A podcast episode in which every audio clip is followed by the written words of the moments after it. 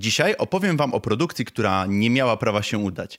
A jednak dostaliśmy jeden z najbardziej angażujących seriali, przynajmniej dla mnie, ostatnich lat. Przed Wami Cobra Kai, czyli serialowa kontynuacja Karate Kid. Gotowi? No to banzai!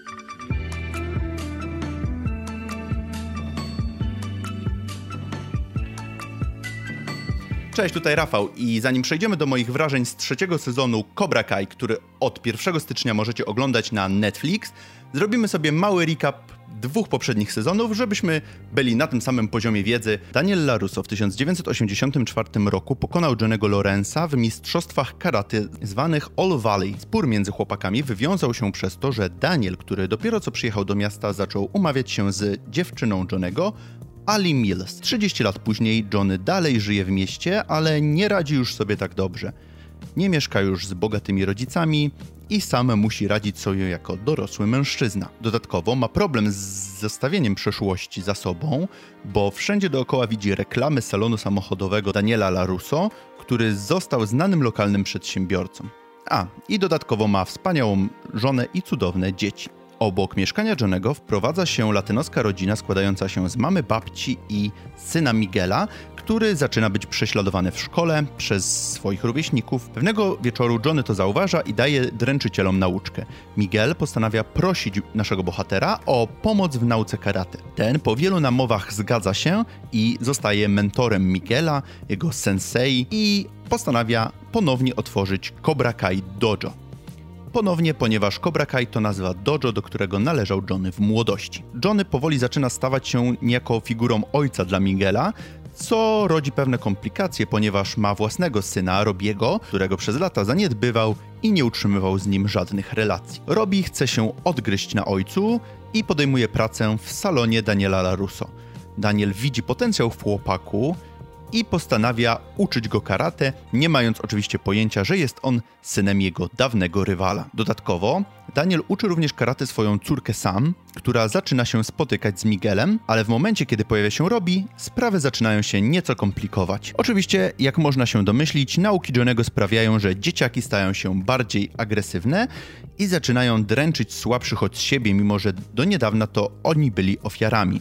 Po drodze mamy jeszcze kilka dramatów, z czego największym jest zerwanie Sam i Miguela, a w finale pierwszego sezonu mamy pojedynek, w którym Miguel pokonuje Robiego na finale All Valley, przynosząc puchar zwycięstwa dla swojego dojo, co sprawia, że Cobra Kai znowu zaczyna być na szczycie.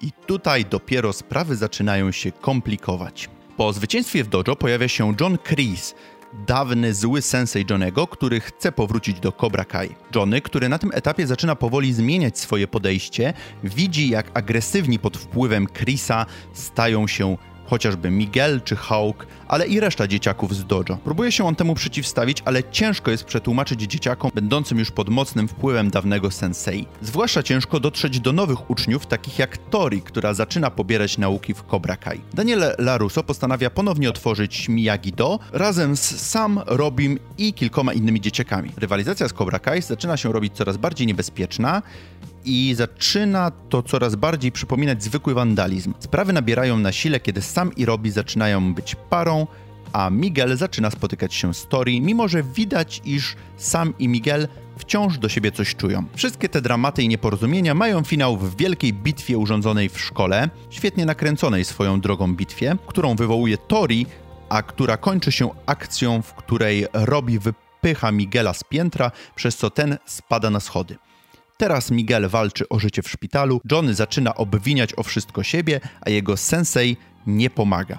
A wręcz przeciwnie, wyrzuca Johniego z Cobra Kai i przejmuje całkowitą kontrolę nad dojo. Sezon drugi kończy się sceną, w której pijany Johnny wyrzuca telefon, a my możemy zobaczyć, jak dostaje on zaproszenie na fejsie od Ali Mills, czyli swojej dawnej dziewczyny, tej samej, o której względy zabiegali razem z Danielem Larusso. Oczywiście wszystko to, o czym tutaj opowiedziałem, to jest bardzo, bardzo, bardzo duży skrót i tak naprawdę streszczenie tylko tych najbardziej ważnych wątków, które mają największy wpływ tak naprawdę na trzeci sezon. Muszę przyznać, że trzeci sezon jest naprawdę wciągający i wow, dwa poprzednie były już mega wciągające, ale ten jest tak bardzo angażujący, że nie możesz przestać go oglądać i praktycznie wciągnąłem wszystkie 10 odcinków za jednym zamachem.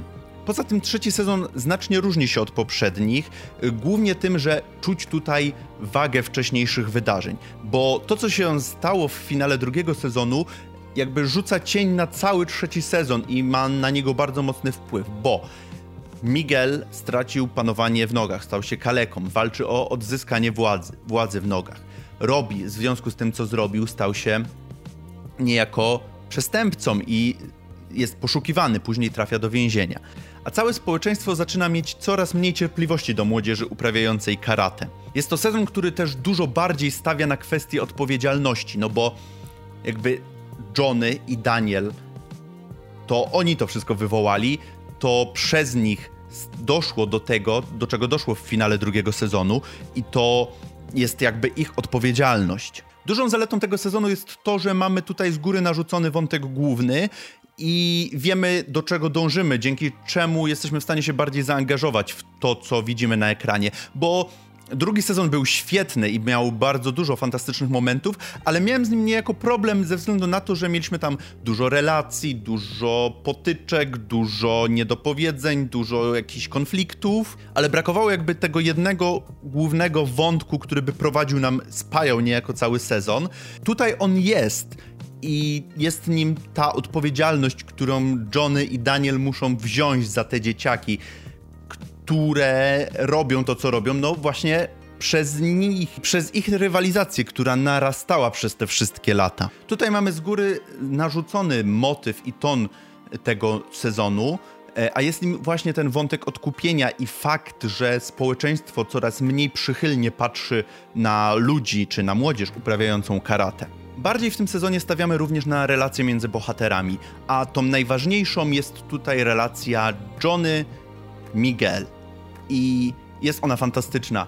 I to, jak Johnny dojrzał przez te wszystkie odcinki, jak wydoroślał, bo był on na początku, na, w pierwszym sezonie był po prostu mm, no, jakby chłopcem zamkniętym w ciele dorosłego mężczyzny, który cały czas obwiniał się właśnie nie się, tylko obwiniał społeczeństwo za to, gdzie się znalazł. Natomiast tutaj jest dużo bardziej męski, potrafi wziąć odpowiedzialność za swoje czyny, potrafi wziąć odpowiedzialność za Miguela i jakby w 100% poświęcić się jemu. On jest jego sensejem, on go uczył karate i on mu teraz pomoże odzyskać władzę w nogach.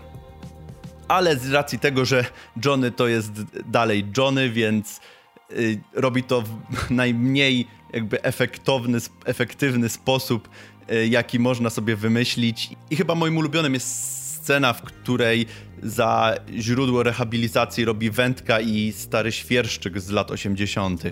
Mamy również fantastyczną relację Johnny Lawrence, Daniel LaRusso i ta dwójka jest fantastyczna, bo raz, że dostali dużo więcej wspólnych scen w tym sezonie, ale jakby do tej pory ta ich relacja polegała na pstryczkach w nos i na tych ciągłych kłótniach.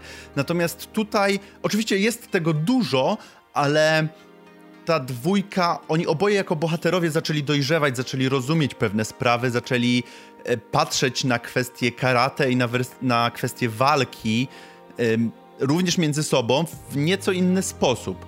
E, jest pod koniec sezonu cały wątek, który pomaga im jakby jeszcze bardziej dojrzeć w tym. Nie będę mówił o co chodzi, bo było, byłby to bardzo mocny spoiler, ale jest, jak, oni jakby jako postacie dojrzewają, więc także ta ich relacja musi się zmienić w tym sezonie i to jest fantastyczne i to jest też ten jeden z ważniejszych wątków w tym sezonie.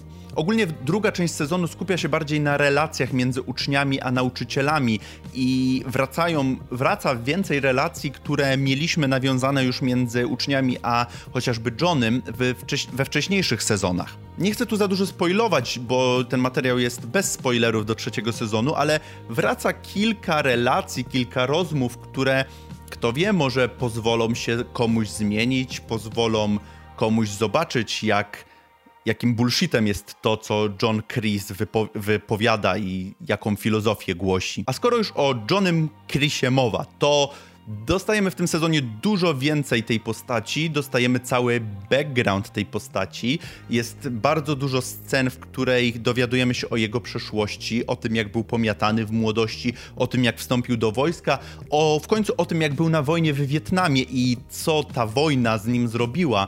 I tak naprawdę, co się wydarzyło, że John Chris stał się tym potworem, jakiego go widzimy w tym momencie w serialu.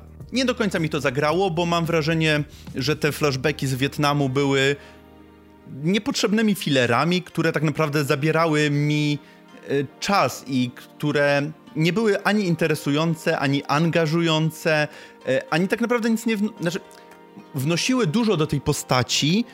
I ja rozumiem, do czego tutaj twórcy dążyli, ale jakby dla mnie nie było to potrzebne, bo John Chris od czasów Karate Kid był po prostu tą siłą zła, tym gościem, którego trzeba pokonać. On jest zły, niedobry, jest tym maksymalnie przerysowanym, kreskówkowym vilanem, y, którego tak naprawdę backgroundu nie potrzebujemy tutaj. On jest tą siłą, jest tą reprezentacją całe, całego tego zła, całego tego złego karate, które y, jest tak naprawdę czymś, co stoi w zupełnej opozycji do tego, co y, Miyagi-sensei uczył Daniela LaRusso wiecie, no mi ta płytkość jego nie przeszkadzała w żaden sposób, natomiast tutaj twórcy starają się go jakoś bardzo nabudować. I to co, co ja niby mam mu teraz współczuć? Oczywiście te wątki związane z Wietnamem mają swój też, swoje też rozwinięcie w teraźniejszości, bo na przykład pokazują nam, jak John Chris jest, jakim jest manipulantem i jak potrafi wykorzystać to, że jest weteranem wojny w Wietnamie na swoją korzyść i bardzo dużo rzeczy uchodzi mu na sucho przez to właśnie, jak potrafi wykorzystać ten fakt. Mam wrażenie, że w tym sezonie jest dużo więcej nawiązań do oryginalnej trylogii. Jeżeli widzieliście zwiastuny, to na pewno przewinęło wam się tam kilka znanych buziek właśnie z tych starych filmów. Mamy w środku sezonu cały wątek, kiedy Daniel musi uporać się z pewnego rodzaju problemami, które ma i po to leci na Okinawę, czyli na tą wyspę, z której pochodzi Miyagi-sensei i na której rozgrywała się znaczna część fabuły drugiego Karate Kid. I mamy tam Kumiko, mamy tam Chozena, czyli te postacie właśnie z drugiej części, które niejako pomagają tutaj Danielowi zarówno w tej sferze nazwijmy ją materialnej, czyli z tym problemem, który ma, ale Daniel ma też problem taki wewnętrzny i to spotkanie z tymi bohaterami również pomaga mu w tej sferze, powiedzmy, duchowej. Jednym z największych moich zarzutów do tego sezonu jest relacja Daniela z Robim, której nie ma. Ale tak serio, Daniel to sensei Robiego, a nie mamy tutaj ani jednej takiej wspólnej, jakiejś angażującej sceny między tymi postaciami.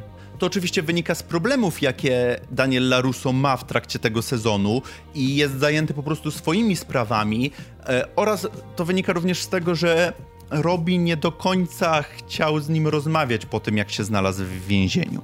Ale moim zdaniem to nie powinno tak działać i Daniel za łatwo odpuścił tutaj. No ta relacja niestety została zupełnie położona, a szkoda. Tym bardziej, że to ten brak relacji zarówno z ojcem, czyli z Johnem Lorenzem, jak i z tym swoim ojcem duchowym, czyli Danielem LaRusso, pcha Robiego niebezpiecznie w ramiona Johnego Chrisa. A, jeszcze jeden problem, który mam z tym sezonem, który nie przeszkadzał mi jakoś bardzo w trakcie oglądania, ale który zaczął we mnie dojrzewać i mam wrażenie, im więcej o tym myślę, tym większy problem z nim mam. Mianowicie, serial skupia się na tym, żeby nam wytłumaczyć, jak te wszystkie rzeczy, które robi John Chris, e, uchodzą mu na sucho. I to jest ok, o tym już mówiłem, ale same nastolatki z Cobra Kai e, stają się w tym sezonie już nie tyle szkolnymi dręczycielami, co pełnoprawnymi przestępcami. Kradną, wszczynają bójki, okaleczają innych. I to wszystko w miejscach, gdzie są świadkowie, lub przynajmniej w miejscach publicznych, gdzie teoretycznie powinny być jakieś kamery miejskie. Jakim cudem oni nie ponoszą żadnych konsekwencji? No, tego serial nam nie wyjaśnia, ale tak jak mów... i to jest duży problem, ale tak jak mówiłem, jakby w trakcie oglądania tego sezonu nie jest to, nie przeszkadza to w żaden sposób. Zaczyna, zaczynają te wątpliwości dopiero dojrzewać w momencie, jak zaczynasz trawić ten sezon już po obejrzeniu. Podsumowując, trzeci sezon Cobra Kai dostarczył mi absolutnie wszystko to, czego oczekiwałem po nim. Jest dużo humoru, jest dużo nostalgii, są fantastyczne relacje między bohaterami, mamy nawiązania do starej trylogii, mamy teen dramę, mamy fantastyczne walki i dużo, dużo, dużo więcej. Mamy e, niesamowity rozwój bardzo wielu postaci. E, o kilku już wspomniałem, ale mamy chociażby postać Dymitria, który e, jako postać fantastycznie się rozwinął, zarówno charakterologicznie, jak i pod kątem swoich umiejętności w walki karate. Wszystkie te rzeczy wymieszane razem sprawiają, że ten sezon jest według mnie naprawdę bardzo, bardzo dobry i chyba najlepszy do tej pory. Tyle mojego podsumowania, jeżeli chodzi o trzeci sezon Cobra Kai, a teraz pora na Was. Dajcie znać w komentarzach, czy oglądaliście już ten sezon, czy oglądaliście w ogóle ten serial. A jeżeli oglądaliście, to czy natrafiliście na niego jakoś tak randomowo przeglądając Netflixa? Czy może jesteście fanami Karate Kid i przez to znacie ten serial i, i go oglądacie? Jestem bardzo ciekawy. Pamiętajcie też, żeby wpadać na nasze socjale, a my się widzimy w kolejnych materiałach. Do zobaczenia. Cześć!